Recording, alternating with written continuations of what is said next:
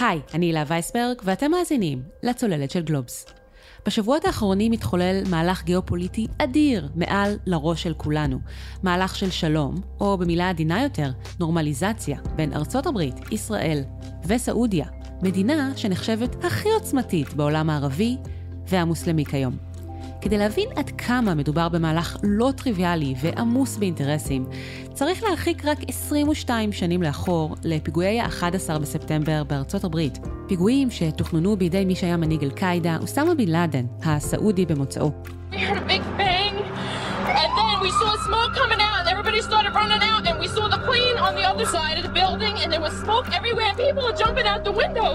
Two airplanes have crashed into the World Trade Center. וגם המנהיג הנוכחי של סעודיה, מוחמד בן סלמן, ובקיצור MBS, נחשב כאחראי לרצח העיתונאי הסעודי-אמריקאי ג'מאל חשוג'גי בשנת 2018 באיסטנבול, טורקיה. חשוג'גי התגורר לפני הרצח בארצות הברית וכתב כנגד הממשל בסעודיה. לכן ג'ו ביידן, נשיא ארצות הברית, דיבר על סעודיה כעל מדינה מנודה. פראיה. כל זה קרה רק לפני כשלוש שנים, בקמפיין 2020 לנשיאות. אבל הפתעה, בשבוע שעבר שמענו את מוחמד בן סלמן מתראיין בפתיחות ובאנגלית לעיתונאי ברט בייר מפוקס ניוז על הסכם שאנחנו מתקרבים אליו יותר ויותר בכל יום.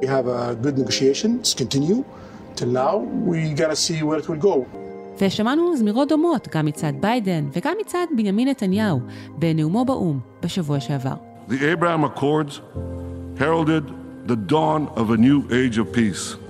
But I believe that we are at the cusp of an even more dramatic breakthrough an historic peace between Israel and Saudi Arabia. אוקיי, okay, אז יש פה עסקה שאפשר לקרוא לה אופורטוניסטית או ריאל פוליטיק. כל אחד מקבל ממנה משהו, זה ברור. והזמן יש פה סוג של פליק פלאק לאחור במדיניות. אז היום ננסה לפרק את הפאזל המורכב שהוא ההסכם עם סעודיה. ננסה להבין מה כל אחד מהצדדים רוצה, ונדבר על ההשלכות, על הגיאופוליטיקה ועל הכלכלה.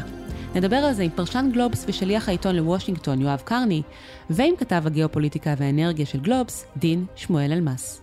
היי דין. שלום. אז בוא תן לנו אקספוזיציה לכל הסיפור הזה, ומיפוי ראשוני של האינטרסים. שמענו המון המון המון דיבורים וניתוחים, אבל באמת ככה לרדת יותר לה, להבנה המאוד מאוד בסיסית של מה כל צד מקבל, אני חושבת פחות שמענו.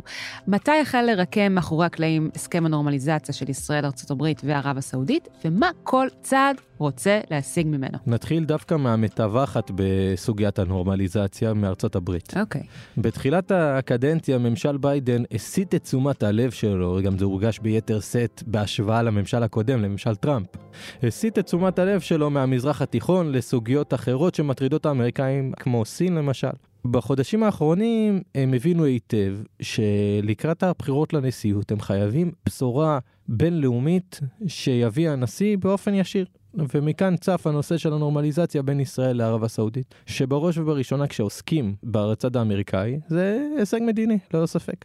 כלומר, ביידן כחתן של הסכם כלל אזורי, נכון. פורץ דרך אדיר ממדים, שאי אפשר אפילו היה להעלות על הדעת לפני כמה שנים. נכון שאנחנו מהצד הישראלי זוכרים את מנחם בגין, את יצחק רבין, זיכרונם לברכה, בתמונות הללו של הסכמי השלום, אם אנחנו לוקחים את ירדן ומצרים, אבל אי אפשר גם לשכוח שבתמונות האלה נראים היטב כשושבינים, ג'ימי קרטר, אה, ביל קלינטון. שחלקם גם זכו בפרסי אה, נובל לשלום, נכון. ועוד אה, נשוחח על כך עם יואב קרני בהמשך. זה לא רק בגלל האינטרסים של המזרח התיכון, ואולי אני אפתיע את המאזינים שלנו, לא בהכרח רק איראן. תמיד חושבים אצלנו איראן ובצדק, שזו סוגיה ביטחונית שגם מטרידה את האמריקאים. אף שאנחנו רואים uh, שממשל ביידן פחות תקיף מממשל טראמפ מהזווית האיראנית, שכמובן גם הזווית האיראנית נמצאת פה בצל. את האמריקאים מטרידים הרבה יותר הסינים. הנוכחות הסינית הפיזית, כלומר, אני לא מדבר על נושא עתידי. אם ניקח כדוגמה, הרכבת המהירה בין מכה למדינה, שתי הערים הכי קדושות לאסלאם, זה רכבת סינית מאלף ועד תף, וזה כמובן רכבת שכבר רצה שנים. ממה הם מאוימים? מלחמת השבבים מול סין? כלומר, מלחמה כלכלית? מהנוכחות, מהנוכחות הסינית במזרח התיכון, משיתוף הפעולה בין ערב הסעודית לסין בתחום התשתיות, השקעות משותפות, יש קרנות השקעות משותפות. כלומר, הכספים כבר רצים במיליארדים ובמיליארדים רבים בין הצדדים. בעמדה האישית שלי אני חייב לציין, בניגוד כנראה לדעות רבות אחרות, אני חושב שבזווית הסינית של הנוכחות הסינית בערב הסעודית, האמריקאים כבר איחרו את הרכבת תרתי משמע. מעניין. הנוכחות הסינית כבר שם והיא שם כדי להישאר, כי יש תשתיות קיימות. אני לא מדבר על פרויקטים עתידיים שגם הם קיימים. יכול להיות שזאת תהיה בלימה של ההתקדמות הסינית, אבל הנוכחות הסינית היא כאן והיא כאן כדי להישאר. ישנם גם אינטרסים כלכליים, נרחיב עליהם עוד אה, בהמשך אה, בשיחה עם אה, יואב קרני, שנוגעים לאינפלציה, שנוגעים לנפט, אבל אני מניחה שתרצה לומר על זה משהו אפילו בקצרה. מה קורה למחירי הנפט בתקופה האחרונה ולמה? מחירי הנפט בחודשים האחרונים אה, זינקו בקרוב ל-30 אחוזים, מאז חודש יוני. זה, זה מספרים עצומים. ארצות הברית היא אומנם מפיקת הנפט הבכירה בעולם, אבל ערב הסעודית היא יצואנית הנפט הבכירה בעולם. וברגע שערב הסעודית מפחיתה את uh, קצב הפקת הנפט, היא באופן ישיר משליכה על הרבה יותר מדינות בעולם מאשר מה שארצות הברית משליכה. יכול להיות שהמאזינים שלנו בצדק יבואו וישאלו את השאלה הנכונה, אז מה הבעיה? ארצות הברית היא מפיקת הנפט הגדולה בעולם, שתפיק יותר. בדיוק. רק שלא. זה לא כי לא רוצים, אלא כי לא יכולים, ובאמת לא יכולים. ארצות הברית, בקצב ההפקה הנוכחי שלה, מבלי להרבות במספרים, ממש ממש קרובה מאוד לשיא ההיסטורי שלה. לקצה גבול היכולת שלה. ל- ל- ל- יש capacity, יש גבול יכולת, זה, זה תשתיות. את לא יכולה להמציא תשתיות יש מאין, וארצות הברית עם הקפסיטי שלה לא יכולה באמת להשפיע על מחירי הנפט. לכן היא צריכה לגייס את מוחמד בן סלמן אליהם, כדי שהוא יגביר את קצב הפקת הנפט. עכשיו, כדי להבין כמה ערב הסעודית מפיקה יחסית מעט במושגים שלה, לא במושגים בינלאומיים, היא עדיין מהבכירות ביותר. כן. קצב ההפקה של ערב הסעודית הוא כ-9 מיליון חביות ביום, שזה נמוך יותר מהקצב שלה בימי הקורונה. כדי להבין עד כמה זה נמוך, זה נמוך בקנה מידה קיצוני. אם נשווה את ה-9 מיליון חביות ב-2022, הם הפיקו 10.6, כלומר הרבה הרבה יותר. ולמה הם הורידו את קצב ההפקה? יש פה משחק גיאופוליטי שמנהל מוחמד בן סלמן, שהוא רוצה להביא את האמריקאים תרתי משמע על הברכיים אליו. הוא נראה נראה כל כך חביב בריאיון לפוקס. אה, כל הדברים שאומרים עליו, קשה לי לקשר אותם לאדם החביב, החייכן, כן. החינני, כן, עדין הנפש שהצטייר מהריאיון הזה, אבל... כן, אה, ובואי נחזור אה, שנים ספורות אחורה למה שקרה עם העיתונאי הסעודי ג'מאל חשוקג'י, שנרצח בקונסוליה הסעודית באיסטנבול. רמז, מוחמד בן סלמן לא נעדר מהאירוע, גם אם, אה, גם אם ככה הוא מנסה להתנתק. כן. יש פה משחק של איזונים מאוד מאוד לא פשוטים. כי מצד אחד מוחמד בן סלמן משתמש בכלי הבלתי מבוטל של הנפט כדי להעמיד את עצמו בסיטואציה חזקה ברמה הבינלאומית, אבל מצד שני, אם רוצים להבין למה מוחמד בן סלמן כן יש גבול לאן הוא ימתח את החבל הזה, צריך להסתכל על, על נתונים של הרבעון השני של השנה. צמצום הפקת הנפט הסעודית הביא את הצמיחה של הממלכה לקצב צמיחה שנתי של 1.1 אחוזים ברבעון השני של השנה, לעומת 3.8 בתקופה המקבילה אשתקד ו-11.1 לפני שנתיים, כלומר, הצמיחה הסעודית צונחת, אם גם אם אנחנו משווים אותם ל-G20, היא צונחת בקצב מדהים. פשוט מדהים. והוא עושה את זה, אתה אומר, במכוון, כדי לקבל לידיו יותר כוח אל מול המעצמות? אני בטוח שהוא מודע לנתונים, הוא מודע להשלכות, אבל בגלל זה הוא גם מבין שיש גבול עד לאן הוא ימשוך את ההשלכות האלה. כי בסופו של דבר, ברמה כזו או אחרת, זה גול עצמי לכלכלה המקומית שלו. כן, אז הוא, הוא גם יש איזשהו גבול שאליו הוא נכון. יכול להגיע. אוקיי, אז, אז סקרנו באמת את האינטרסים אה, בכל הנוגע לארצות הברית, ועוד נרחיב בהמשך, ונגענו בסעודיה, אז בואו נמשיך עם סעודיה. נמשיך עם סעודיה. מה היא רוצה? אז נתחיל עם אה, סוגיית ה-F-35. מטוסי קרב, דור חמישי, ה-best in class נקרא לזה ככה, שישראל כבר כמה שנים אה, נהנית מעליונות אווירית אזורית. ללא תמיכה ישראלית, אין שום סיכוי שגורמים בלתי מבוטלים בוושינגטון כמו אייפאק, או כמו סנטורים פרו-ישראלים, יבואו ויתמכו במצב, במצב כזה, בלי תמיכה של ישראל, שסעודיה תקבל F-35. דבר כזה לא יקרה. שלא לדבר, דין, על העשרת האורניום שהם רוצים. ועכשיו אנחנו עוברים uh, לשתי דרישות לא פחות חשובות. נתחיל דווקא לא מבלי... פחות דרמטיות גם, לא? אה, לא, לא, פח, לא פחות, uh, באמת דרמטיות, זו המילה הנכונה. נתחיל מהעשרת האורניום. הסעודים רוצים תוכנית גרעין אזרחית. לכאורה, לצרכים אה, אזרחיים. מה זה אומר. תוכנית גרעין אזרחית? בבקשה, תסביר לי. אנחנו יודעים שהעולם שואף להגיע לנ- לנט זירו, לאפס פליטות פחמן. וכיום כמעט כל ייצור החשמל הסעודי זה מדלקי מאובנים. עדיין. אנחנו חושבים, כלומר סעודיה, כמה אנחנו מפגרים בישראל, אחרי אנרגיות מתחדשות וכולי, הסעודים במקום הרבה יותר נמוך יש מאיתנו. גרועות מאיתנו, אני משוכנעת, כן. אז הסעודים גם ספציפית יותר גרועים מאיתנו, ועל כן אנרגיה גרעינית היא אחד הפתרונות, כמובן שיש לה המון מינוסים, אין ספק, אנחנו לא באים להצדיק אנרגיה גרעינית, אנחנו פשוט מסבירים את הרציונל. אבל, ופה אבל, גם אם הסעודים באופן תמים לחלוטין רוצים גרעין למטרות אזרחיות, זה פתח למצב מאוד מסוכן במזרח התיכון. ומה הפתח הזה? מרוץ גרעיני כלל אזורי. ברמת הידע, אני אפילו לא מדבר על נשק גרעיני. בן סלמן אמר את הדברים- זה הכי במפורש בעולם בריאיון לפוקס ניוז, הוא אמר, אם לאיראן יהיה נשק גרעיני, כמובן שגם אנחנו נכון, נצטרך אחד. ו- אז גם אם אנחנו לוקחים את הסיטואציה התמימה של שיעורי העשרת אורניום נמוכים, אם הם ירצו, למה שקטאר לא תקבל אפשרויות כאלה? למה שמדינות אחרות באזור לא יקבלו אפשרויות כאלה?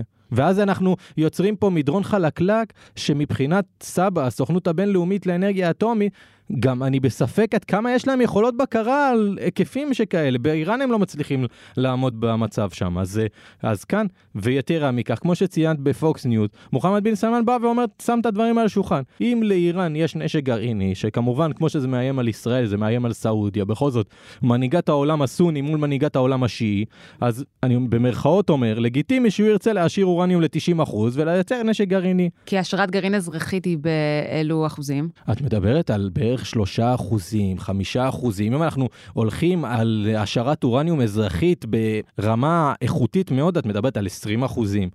אם אנחנו רוצים להיות לרגע בצד של בן סלמן, כי כנראה שהצד של בן סלמן בחשדנות שלו כלפי תוכנית הגרעין האיראנית זה גם חלק מהחשדנות הישראלית לפחות, לכאורה המטרה שלו עם האמריקאים זה להגיע למקום שהאיראנים נמצאים בו כבר. כלומר, לא לעבור איזושהי רמה אזורית. ועדיין, ברגע שיש לך את איראן עם יכולות גרעיניות, ערב הסעודית עם יכולות גרעיניות, לפי מקורות זרים, ישראל עם יכולות גרעיניות אפילו התקפיות, לפי מכון סטוקהולם למחקרי שלום, יש לישראל פי שלושה ראשי קרב גרעיניים מאשר צפון קוריאה. אז uh, את יוצרת פה ממש מבוא למרוץ גרעיני. וכעת ברור לנו מדוע בעצם צריך את uh, ישראל בכל המערך הזה, כי זקוקים בעצם לשכנוע שיעשה בידי uh, נתניהו כלפי סנטורים uh, בארצות הברית, לשכנע אותם שאכן uh, מדובר פה במהלך שישראל מגבה אותו ואין בו סכנה ביטחונית גדולה מדי. נכון. המבקרים יזכירו שרק לפני עשור אה, הייתה הפיכה במצרים למשל.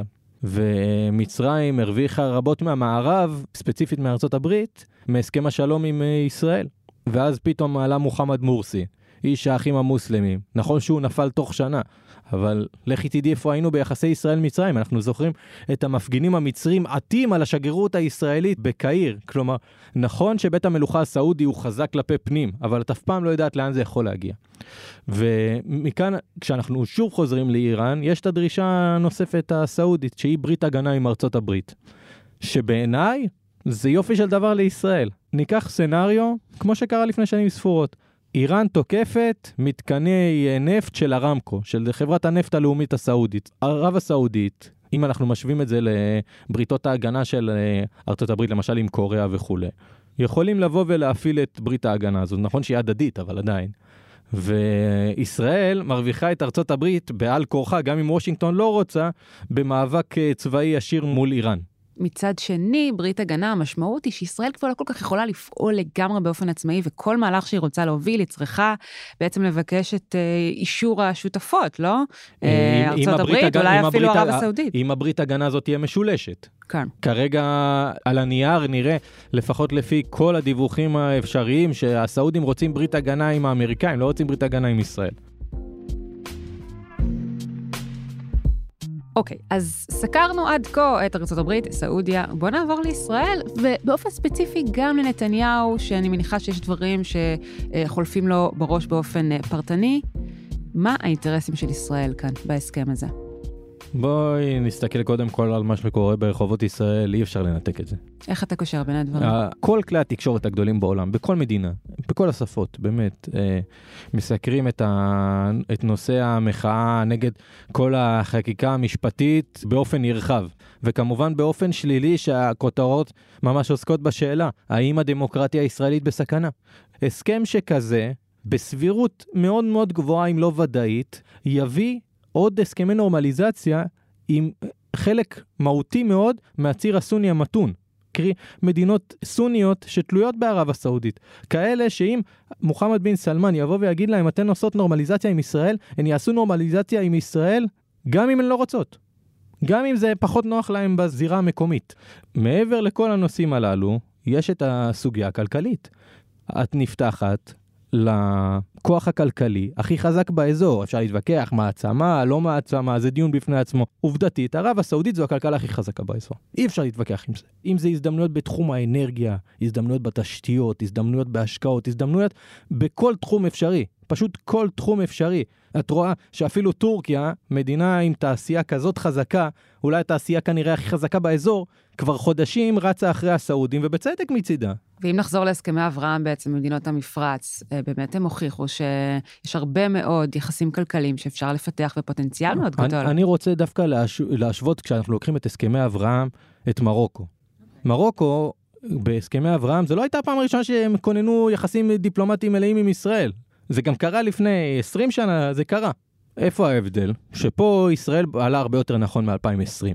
ישראל יצרה אינטרסים הדדיים ואפילו תלות של המרוקאים בישראל, שאין שום צ'אנס היום שהמרוקאים באים ומנתקים יחסים בצורה מוחלטת עם ישראל, כמו שהם עשו בעבר. זה לא יכול לקרות. היום יש אמצעים ביטחוניים מתוצרת ישראל במרוקו, הם תלויים בך. מעבר לזה, בואי נסתכל כאן, מזרחית אלינו בירדן. היום 80% מתצרוכת החשמל של uh, ירדן תלויה במישרין בגז טבעי ישראלי. מצטער שאני מדבר קצת אינטרסנטי, אבל זו המציאות. אלה החיים, אני חושבת שגם כששמעון פרס דיבר בזמנו על מזרח תיכון חדש, לזה הוא התכוון, יחסים נכון, כלכליים שיהיו נכון. החשובים ביותר. כמו שלישראל יש מה להפסיד מניתוק יחסים, לא שאני חושב שזה סביר, מניתוק יחסים עם איחוד האמירויות, כיום לאיחוד האמירויות יש מה להפסיד. אני אגיד לך אחרת, מדינה כמו בחריין, סמוכה לאיחוד האמירויות, שהיחסים הכלכליים שלה פי כמה נמוכים יותר משל איחוד האמירויות, יש לה הרבה יותר מה להפסיד. יש לה הרבה יותר מה להפסיד. האיום האיראני על בחריין הוא חמור פי כמה מכל מדינות המפרץ גם יחד. אז מה לדעתך דין עשוי לקרות לכל הסיפור הזה של המהפכה המשפטית, לו ההסכם אכן מתקדם וקורה? אני חושב שיהיה, ל... נקרא לזה, לגורמי אופוזיציה מתונים בישראל, כמו למשל בני גנץ. וחברי מפלגתו כמו גדי איזנקוט, בכל זאת רמטכ"לים לשעבר, אנשי מקצוע, בהחלט. אנשים שיודעים על מה, במה הם עוסקים היטב, גם אם הם לא מדברים על זה, דווקא זה שהם לא מרבים לדבר על זה בעיניי מעיד על הידע שלהם וההבנה שלהם של המציאות. יהיה להם מאוד קשה לא לתמוך בזה. ואז אנחנו נראה סיטואציה פוליטית פנים-ישראלית מאוד מעניינת, כי יש לך גורמים ב- בישראל שיסרבו לבוא ולתת לסעודים את ה... מתנות, אגב, מתנות הרבה יותר משמעותיות בזירה הפלסטינית מאשר מה שהיה לך במקרים קודמים בהסכמי אברהם. באיחוד האמירויות על מה דיברנו, ואני לא מזלזל. דיברנו על מניעת הסיפוח של בקעת הירדן, הפסקת בנייה ביהודה ושומרון. פה מדובר בזירה הפלסטינית, אני לא אגיד מדינה פלסטינית, אבל מדובר על מגה אירוע. לבוא ולהעביר שטחים משטח C, קרי שליטה ביטחונית שליטה מינהלית של ישראל לשליטה מוחלטת פלסטינית, זה צעד שאני לא רואה סיטואציה שחלק בלתי מבוטל מהממשלה הנוכחית בישראל תתמוך בה. כן, אז באמת אתה אומר בקונסטלציה הפוליטית הנוכחית, יהיה קשה לקדם את ההסכם הזה, ויכול להיות שנראה פה מפץ, אבל, קשה אבל מנגד, לגמרי לדעת מה הולך אבל להיות. אבל מנגד, לגורמים כמו גנץ וחבריו למפלגה, יהיה קשה מאוד לא לתמוך בזה. אני מבינה למה אתה חותר, דין, שאולי נראה פה איזה... איזשהו מפץ שאנחנו... איזשהו מפץ, איזשהו שילוב מחדש של, של, של הפאזל של הפוליטיקה הישראלית, למרות שכל עוד נתניהו מוביל את הממשלה ועומד בראש הליכוד, קשה לי לראות את ההתחברות הזו של, של נתניהו נכ, וגנץ. נכון. אה, הזירה הפלסטינית... למוד... אה, תראי, הזירה הפלסטינית... מחווה העבר, כן. אנחנו כן. למדנו ככה מהסכמי אברהם. הזירה הפלסטינית, אם נשים אותה היום על השולחן, זה מבלי באמת להיכנס לדעות פוליטיות. אבל רגע, אנחנו צריכים רק לומר בסוגריים שבעצם בן סלמן אה, אמר שכחלק מהעסקה צריך גם לתת לא אה, איזה שהן אה, הקלות אה, לפלסטינים. הוא לא, הוא לא יוותר, זה אפילו לא הקלות, הוא לא יוותר על צעדים מאוד משמע, משמעותיים, כי הסעודים שווים ואומרים, אנחנו... הם לא נטשו את יוזמת השלום הערב, הערבית שהם הציגו לפני בערך 20 שנה, שבאופן קצר מדובר די על גבולות 67, בירה פלסטינית במזרח ירושלים וכולי. הם גם עומדים מאחורי מרבית הדברים האלה גם היום. ואלו דברים שאנחנו יודעים שמול ממשלת נתניהו לא התכנסו. עכשיו, למה הסעודים צריכים את זה? בשורה התחתונה אנחנו למדנו בהסכמי אברהם שהפלסטינים בעולם הערבי זה טוב כדי לדבר עליהם, אבל מעשית, כשלאחת המדינות יש הרבה מה להרוויח מול ישראל, הפלסטינים לא יבלמו אותם. איפה ההבדל של הסעודים? חשוב להסתכל על סעודיה בתור מוקד העלייה לרגל של האסלאם. הסעודים בתור שומרי המקומות הקדושים לא יכולים לבוא מול העולם המוסלמי והערבי בפרט ולהגיד אנחנו מוותרים על הזירה הפלסטינית או להמציא תירוצים, זה לא יתקבל. מוחמד בן סלמן רוצה למצב את עצמו כמנהיג העולם המוסלמי. באופן אישי, מעבר לזירה הסעודית. ולכן אם הוא יצליח להביא בשורה לעולם המוסלמי בכלל מהזווית הפלסטינית, מה שלמשל רג'פ טאיפ ארדואן לא הצליח להביא, ואפילו גם כשהוא היה יותר ניצי כלפי ישראל וגם כשהוא יותר ידידותי. אז uh, הוא יכניס את עצמו לדפי ההיסטוריה, והוא מבין את זה. טוב, אז הזכרת את ארדואן, אנחנו רוצים עוד לעסוק בו בסיום הפרק. אז עכשיו נעבור לשוחח עם פרשן גלובס בוושינגטון, יואב קרני, על הזווית האמריקאית, ונשוב אליך דין לעוד שיחה קצרה. שלום יואב קרני. שלום וברכה הילה. בשבוע שעבר האזנת בקשב רב גם לנאום של ביידן וגם לנאום נתניהו באו"ם לכל אורכם. מה המסרים הכי קריטיים שאיתרת בתוכם, ומה לא נאמר בהם, שגם לו לא יש משמעות, לדעתך? הדבר החשוב ביותר בנאומו של ג'ו ביידן הוא פחות התוכן ויותר ההיררכיה. הנושא החשוב ביותר במדיניות החוץ האמריקאית בשנתיים האחרונות ללא שום ספק ומלחמת רוסיה נגד אוקראינה. הנשיא ביידן עשה נאום של 30 דקות. אוקראינה נכנסה בדקה ה-25. איך קורה דבר כזה? מדוע קורה דבר כזה? אני חושב שאת התשובה צריך לחפש ב-25 הדקות הראשונות של נאום ביידן. ג'ו ביידן הוא נשיא גלובליסטי.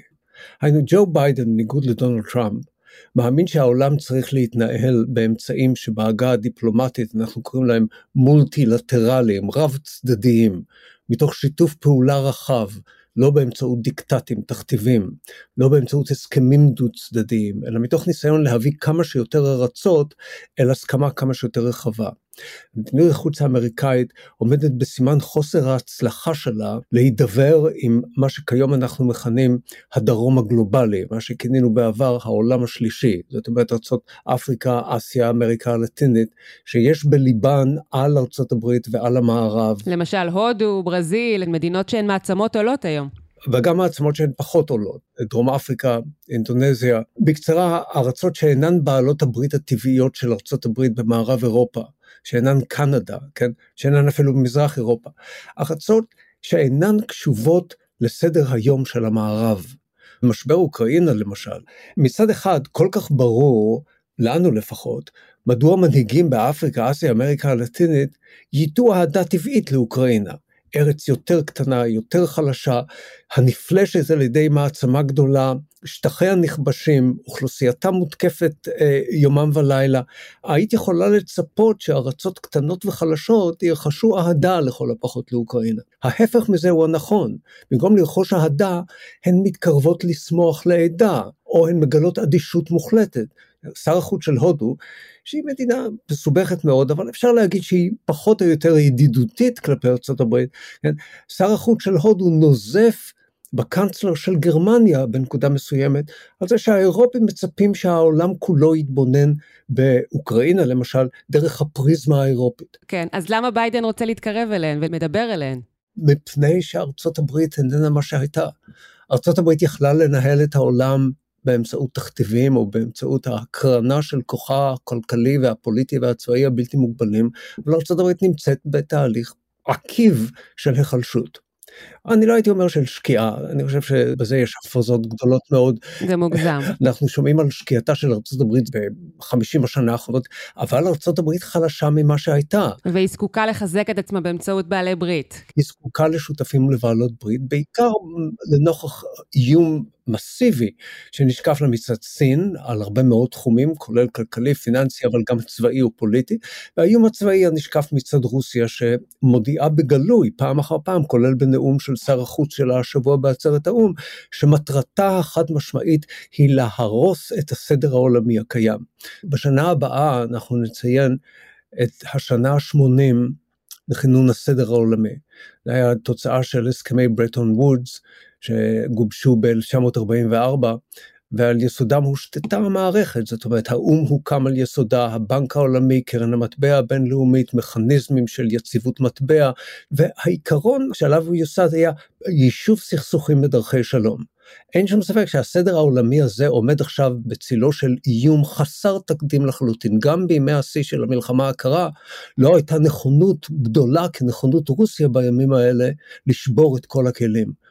הייתה כמובן חתירה מצד ברית המועצות בימי שיאה להוריד את המערב מגדולתו וכן הלאה, אבל לא הייתה נכונות לסכן את העולם במידה שרוסיה מסכנת אותו עכשיו, היינו באמצעים צבאיים גלויים. העימות המחריף עם סין, גנרל אמריקאי בכיר צפה בזמן האחרון שארצות הברית וסין ייקלעו למלחמה ישירה ב-2025.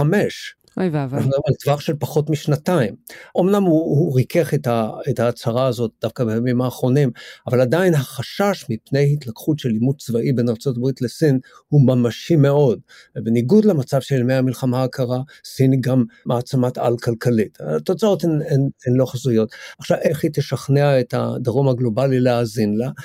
בעניינים של לחם וחמאה, היינו, ביידן עמד בעצרת האו"ם ומנה אחד לאחד את הדברים שארצות הברית ובעלות בריתה מנסות לעשות לטובת הדרום הגלובלי, למשל היוזמה שיצאה מה-G7, מעצמות הדמוקרטיות התעשייתיות, השנה המדברת על הקצבה של 600 מיליארד דולר עד 2027 כדי לפתח תשתיות סביב כל העולם. חוץ מזה ביידן מנסה להזכיר להם שגם ב-80 השנה האחרונות המערב עשה הרבה מאוד לטובת קידומן והוא מונה אחד לאחד מיליארד בני אדם חולצו מתחת לקו העוני, 25 מיליון בני אדם ניצלו מן האיידס בזכות השקעות מסיביות של ארצות הברית בפיתוח תשתית רפואית באפריקה. הדברים האלה עברו בשתיקה בעצרת האו"ם, היינו אנשים ישבו בחיבוק ידיים, איש לא מחא לו כפיים כשהוא מנה את ההישגים הקונקרטיים. כן? מה ישראל יכולה ללמוד מן העניין הזה? היעדר הניסיון לדבר על הדרום הגלובלי הטריד אותי בנאומו של נתניהו, של בנימין נתניהו. אני אינני בטוח שישראלים נותנים בדעתם די הצורך על עצם התופעה של הדרום הגלובלי, לא, לא מספיק להגיד הודו, כן? צריך לפתח את המשוואה בצורה הרבה יותר רצינית. בלי קשר לתוכן של נאום נתניהו, השאלה היא, ממשלת ארה"ב נמצאת בידי ליברלים, אנשים שיש להם הסתכלות מאוד מסוימת על העולם, כמו שאמרתי, באמצעות מולטילטרליזם. עכשיו, ישראל יכולה להתפלל כאוות נפשה לחזרתו של דונלד טראמפ לשלטון, ואולי הוא באמת יחזור לשלטון ב-2025, אבל יש לפנינו עוד איזה שנה ורבע עד אז, ובשנה ורבע נשיאים אמריקאים יכולים להספיק די הרבה. אם ראש הממשלה נוסע, פותח את מסעו בארצות הברית בעלייה לרגל לסן פרנסיסקו אל אילון מאסק, ואומר לו, אתה הנשיא הלא רשמי של ארצות הברית, אז זה, זה, זה מעורר את הצורך לגרד את הפדחת, מה, מה הוא בדיוק חושב שהוא משיג, כאשר הוא מתגרה בג'ו ביידן, ערב נסיעה לניו יורק כדי לפגוש את ג'ו ביידן. אני, אני לא הצלחתי לרדת אל סוף דעתו בעניין הזה. אז אני רוצה לשאול אותך עכשיו לגבי נתניהו, שהזכיר אה, מזרח תיכון חדש, כמובן הוא התכוון בדבריו להסכם שהוא וגם ג'ו ביידן אה, רוצים להוביל אל מול אה, סעודיה.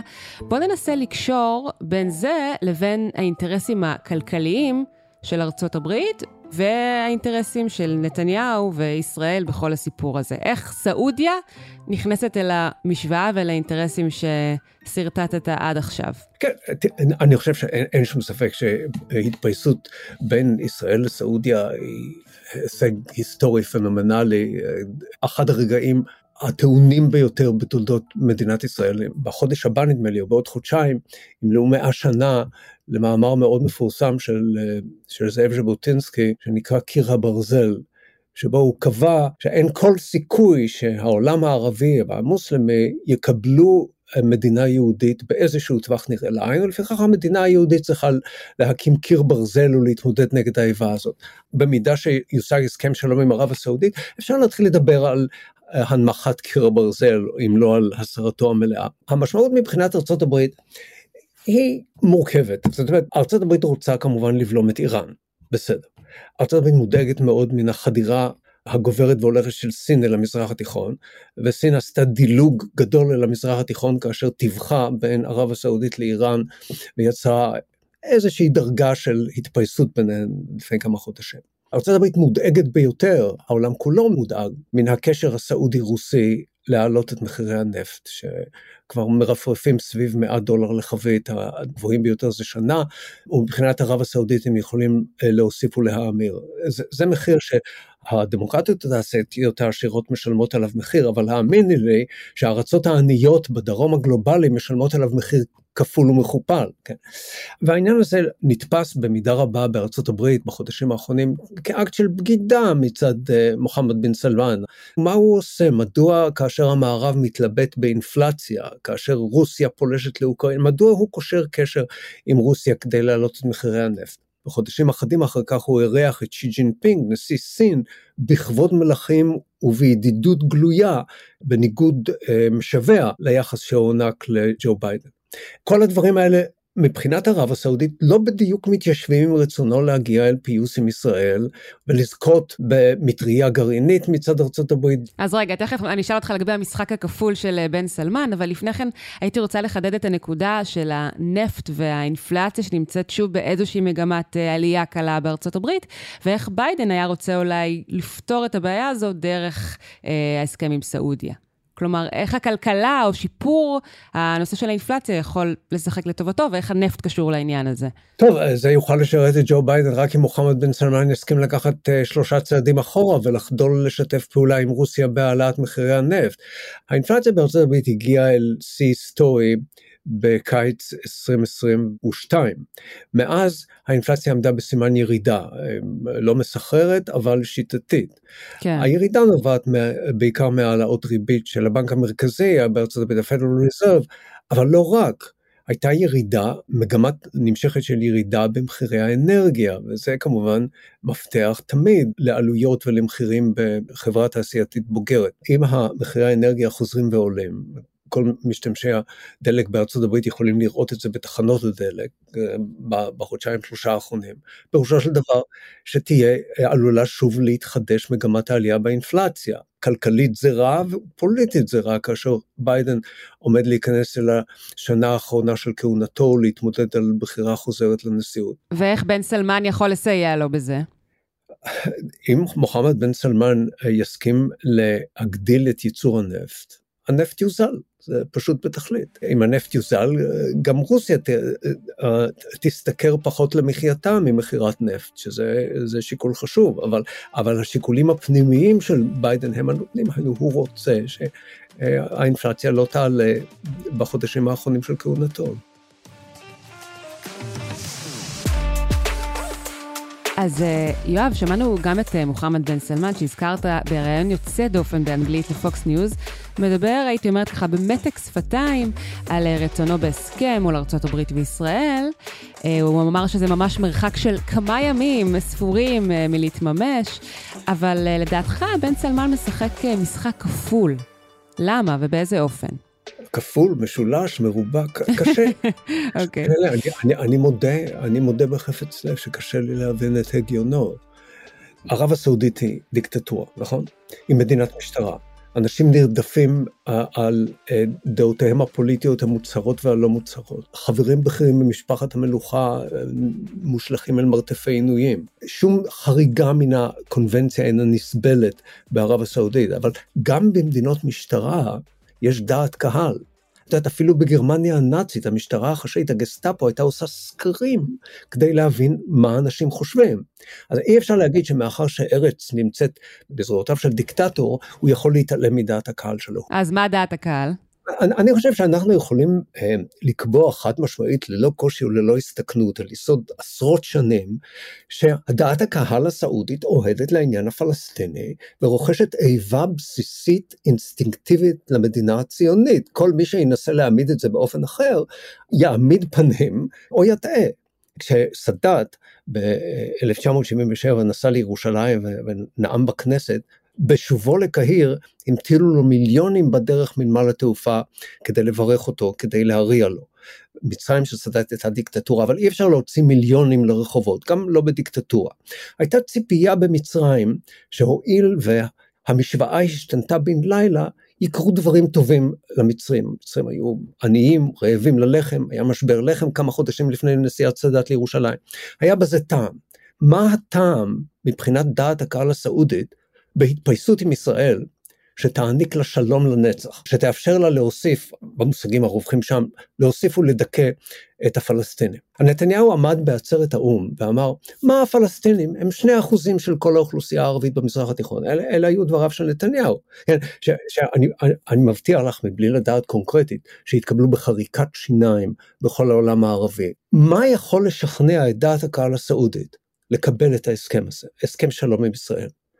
מטריה גרעינית, באיזשהו אופן אני מסופק בזה, זה אלה דברים שמשכנעים אליטות טכנוקרטיות, קשה לי להבין את הגיונו במובן הזה, הוא נדמה לי שהוא עומד לסכן כל כך הרבה, אם הוא יקבל מישראל הבטחה כוללנית לשפר את מצבם הכלכלי של הפלסטינים. דונלד טראמפ הציע לפלסטינים מה שהוא קרא את עסקת המאה, the deal of the century, אם את זוכרת. אני זוכרת. ומה זה היה deal of the century?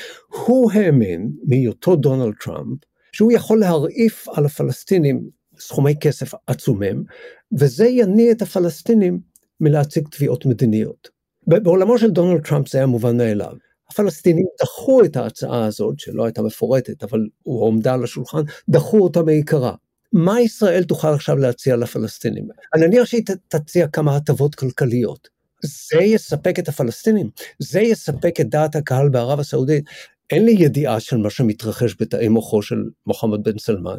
אולי יש שורה של קלפים שהוא עומד לשלוף, אולי יש נעלמים במשוואה שאפילו לא עולים על דעתי, שיניחו את דעתו ואת דעת, דעת הקהל בערב הסעודית. אנחנו נצטרך לראות את זה. ובהתחשב בכל האינטרסים הסבוכים האלה, אתה אומר, לדעתי, הסיכויים שההסכם הזה בכלל יקרה, יקרום עור וגידים, הוא נמוך מאוד. זה נכון? סיכויים קלושים? לא הייתי רוצה להגיד את זה, בעיקר בהתחשב בדברים ה...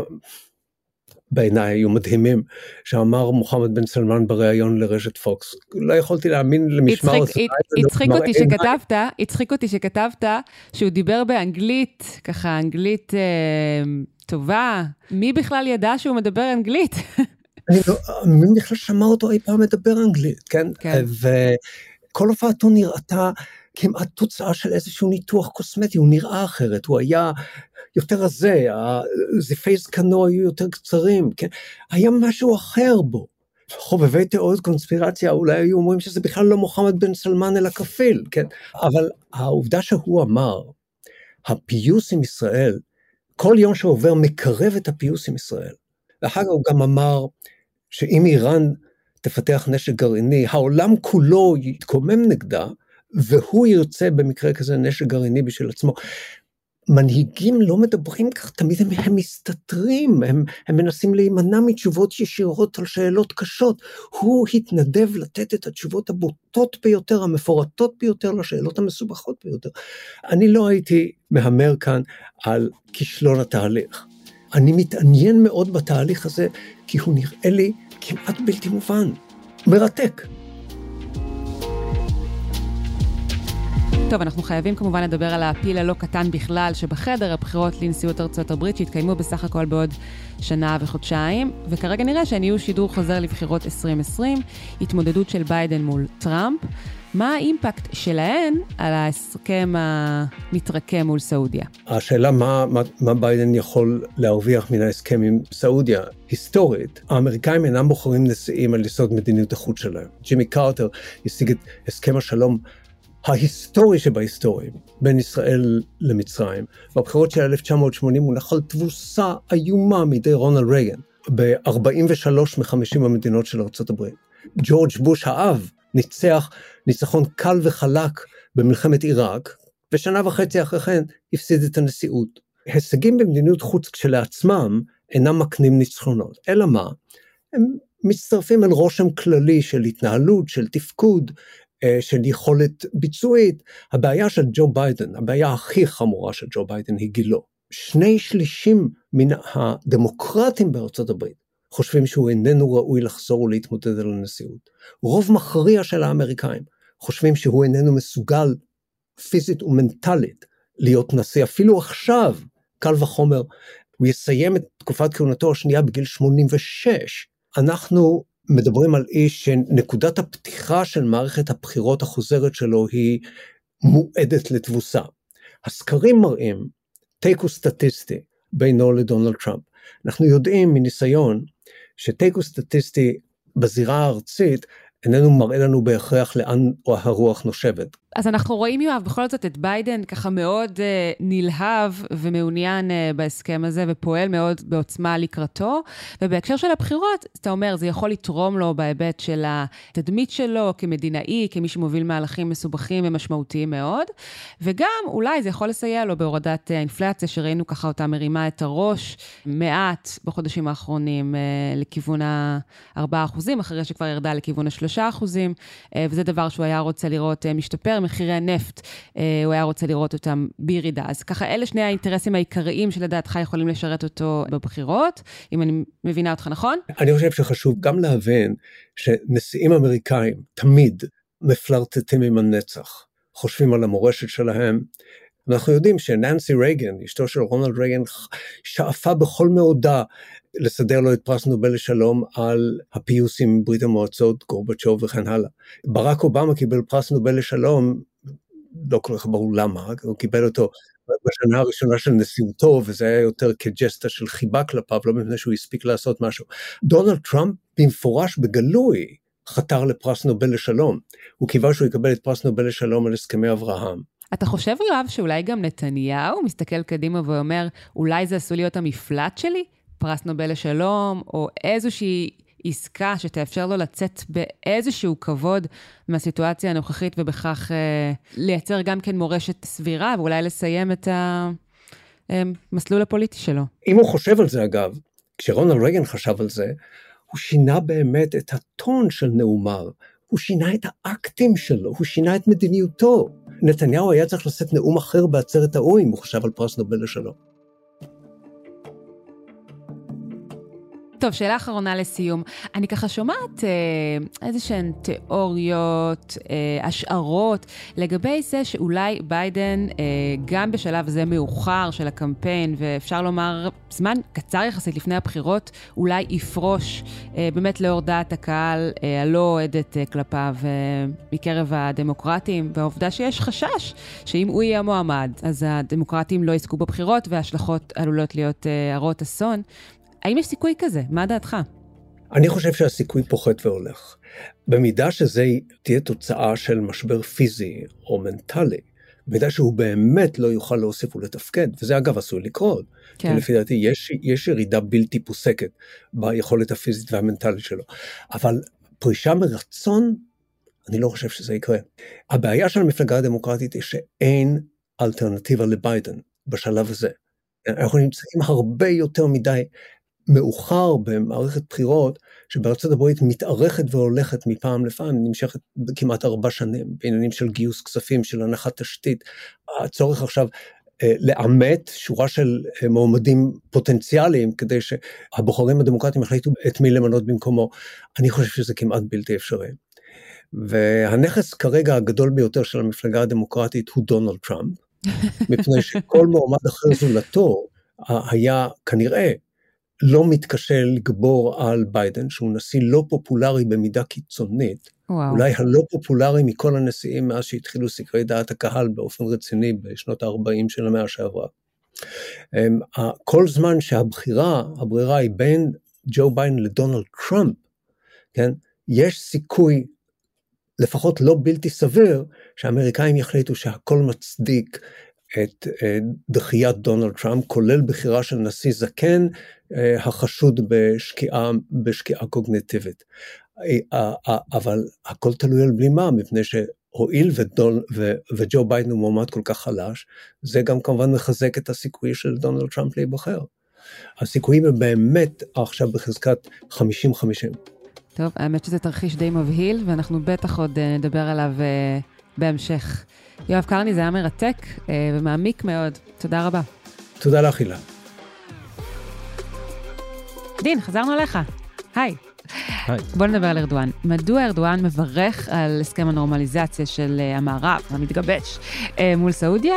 מהם האינטרסים שלו? בד בבד עם הנורמליזציה המחודשת ביחסי ישראל-טורקיה, ארדואן גם אה, נרמל את יחסיו עם מדינות אה, המפרץ, אה, מדינות הציר הסוני המתון, ובמיוחד ערב הסעודית. אין, בניגוד להסכמי אברהם, שבהם טורקיה בהודעות רשמיות ממשרד החוץ תקפו בחריפות, במילים קשות, שההיסטוריה לא תסלח לאיחוד האמירויות על אה, וואלה. נרמול היחסים עם ישראל, ממש במילים האלה, דפי ההיסטוריה, זה רשום, מה שנקרא, תסתכלו בגוגל. ההבדל הוא שהיום, גם אם הוא רוצה, ואני לא חושב שהוא רוצה, לארדואן ולמשרד החוץ שלו אין יכולת, בגלל האינטרסים הכלכליים שכבר התפתחו מול מדינות המפרץ וערב הסעודית בפרט, לבוא ולגנות. מעבר לזה, גם ארדואן, אם אנחנו מסתכלים על win win situation בין סעודיה לישראל, זה ווין ווין ווין כשארדואן מתעסק בסיפור, כי ארדואן היום חושק בגז הטבעי הישראלי. הוא אה, חושק בגז או הוא חושק בתשתיות הגז שיעברו דרכו? הוא לא זקוק לגז, הוא רוצה את הגז הישראלי כדי, בתור כלי מאוד משמעותי, שיאפשר לו להפוך להיות אב, להפוך להיות מוקד פעילות של הובלת אנרגיה. של הובלה. של הובלת אנרגיה לאירופה, וככה הוא יהיה שחקן יותר משמעותי. אוקיי. Okay. ומנגד, בזירה הפלסטינית, שמאוד חשובה לו בבייס שלו, מול בסיס המצביעים שלו, יש מצב רגיש. יש התפרעויות על גדר אה, רצועת ברצועת עזה. וב-2018, כשהיו התפרעויות כאלה, טורקיה גירשה בבושת פנים את השגריר הישראלי, את איתן נאה. אז מה ההבדל? שבאמת יש את הגז, וארדואן צריך, נקרא לזה, להתהלך בין הטיפות. ואם הסעודים יבואו ויביאו בשורה לזירה הפלסטינית, אז הוא יוכל לבוא ולהגיד, הנה, תראו איזה יופי, אני מברך על כך, איזה הישג עם הפלסטינים, זה לא שאני הפקרתי אותם. טוב, לסיום, אה, אני רוצה לדבר איתך על עוד איזה פרויקט גרנדיוזי ששמענו עליו רגע לפני שכולנו התחלנו לדבר על ההסכם עם סעודיה. בניית מסילת רכבת שתחבר בין המזרח התיכון לבין אירופה ותעבור בין הודו, איחוד האמירויות, סעודיה, ישראל וירדן. דובר עליה בוועידת ה-G20 שהתקיימה באחרונה בניו דלי, הודו. איפה התוכנית הזו עומדת, והאם היא תלויה בנורמליזציה מול סעודיה? ראשית, לא. היא לא תלויה בנורמליזציה. יש, בגלל שזה בסופו של דבר פרויקט קרקעי. זה לא כמו שאנחנו זוכרים את סוגיה האווירית, שהאם המטוסים הישראלים יעברו בשטח האווירי של סעודיה, פה למוחמד בן סלמן יש תירוץ טוב אם הוא רוצה. מה אתם רוצים? פנו אליי האמריקאים, רצו לחבר, אני מתחבר לירדן. מה הירדנים יעשו עם ישראל? אני לא התעסקתי בזה, לא אני חיברתי. כלומר, יש לו תירוץ די טוב. ולכן זה לא קשור. ברור שאם תהיה נורמליזציה, אז היא באופן ישיר גם תתרום לפרויקט הזה, על כך אין עוררין. קודם כל, אני כן אציין, הפרויקט בפרוטרוט עוד לא ברור לנו. בעוד כחודש וחצי צפוי ה master plan להתפרסם, ואז אנחנו נהיה הרבה יותר חכמים על הפרויקט הזה, כי זה פרויקט שלא רק קשור לחיבור uh, מבחינת uh, מסילות רכבת והובלה ימית, זה כולל גם uh, חיבור של תשתיות חשמל, במטרה שיהיה יותר אנרגיות מתחדשות באירופה, כי הפרויקט הזה מנמל חיפה מיועד להתחבר לנמל פיראוס ביוון, וזה כולל מעבר לחשמל תקשורת, ובאמת פרויקט גרנדיוזי מאוד בכל מקרה ייקח זמן. ש, גם... שלכאורה נוכל לעלות על רכבת, אנחנו כ, כ, אתה יודע, כאזרחים וליהנות ממנה, או שזה אך ורק למטרות מסחר? זו שאלה טובה. התשובה היא קודם כל המסחר. התחום של ההובלה הקרקעית בעולם אה, צובר תאוצה. אם המאזינים שלנו טועים, למה לא טורקיה? כי טורקיה יותר קרובה לישראל מיוון. בדיוק, טורקיה איכשהו נעדרת ממסלול נכון, הרכבת הזה, כן. למורת רוחה, ממש למורת רוחה. הסיבה זה שטורקיה היא מדינה פרו-פקיסטנית באופן מוחלט, אז ההודים בחיים לא יסכימו לשלב את טורקיה ב, ב, בסיבה הזאת. ב, אולי המאזינים חשבו יוון, לא, התשובה היא בהודו דווקא בקצה מעניין, השני. מעניין, מעניין מאוד. אה, זו, זו הסיבה למה טורקיה לא מעורבת בזה. ובכלל, התחום של ההובלות אה, צובר תאוצה, ההובלות היבשתיות, כי לפי הערכות, הפרויקט הזה, לכשהוא יתממש, אם הוא יתממש, יקצר את משך ההובלה, אה, ואנחנו מדברים כמובן על סחורות, מהודו ליוון ב-40 זה לא מבוטל. אין ספק שאם את מקצרת את שרשראות האספקה ב-40 אחוזים, בעשרות אחוזים, עשרה אחוזים, עשרים אחוזים, זה כבר ניתוח לוגיסטי יותר מעמיק, את גם תוזילי עלויות הובלה. שאגב, אם אנחנו חוזרים לנושא הנפט, זה מתכנס לאותו אירוע, כי אם את צריכה יותר נפט, עלויות הובלה מתייקרות, עלויות מוצרים עולות, ובסוף זה אותו עולם, וככה את מאזנת במשחק הזה ביכולות שלך, בלי שיש לך נפט. והנה חיברנו בין הקצוות והגענו לסיום השיחה שלנו. לעת עתה, נראה לי שיש עוד הרבה על מה לדבר. דין שמואל אלמס, זה היה סופר מרתק. תודה רבה. תודה רבה. עד כאן עוד פרק של הצוללת. אתם יכולים למצוא אותנו באתר גלובס, בספוטיפיי או בכל אפליקציית פודקאסטים. נשמח אם תעשו לנו subscribe, ונשמח גם מאוד שאם אהבתם, אז דרגו אותנו גבוה, וגם שילחו את הפרק לחברה או חבר שאתם אוהבים. עורך הסאונד הוא ניר לייסט. אם יש לכם הצעות למרואיינים, לנושאים, לפרקים או תגובה מכל סוג שהיא, אתם מוזמנים לשלוח לי מייל בהילה, h-i-l-a, מקף אמצעי w, at גלובס, g-l-o-b-e-s.co.il, או לחפש אותי במדיות החברתיות השונות. תודה לכולכם שהאזנתם. תודה ליואב קרני ולדין שמואל אלמס. מחר, ממש מחר, נחזור עם החלק השני שעוסק במזרח תיכון חדש, פרק בונוס ומרתק במיוחד. אל תפספסו. אני אלה וייסברג, נתראה בפעם הבאה. ביי ביי.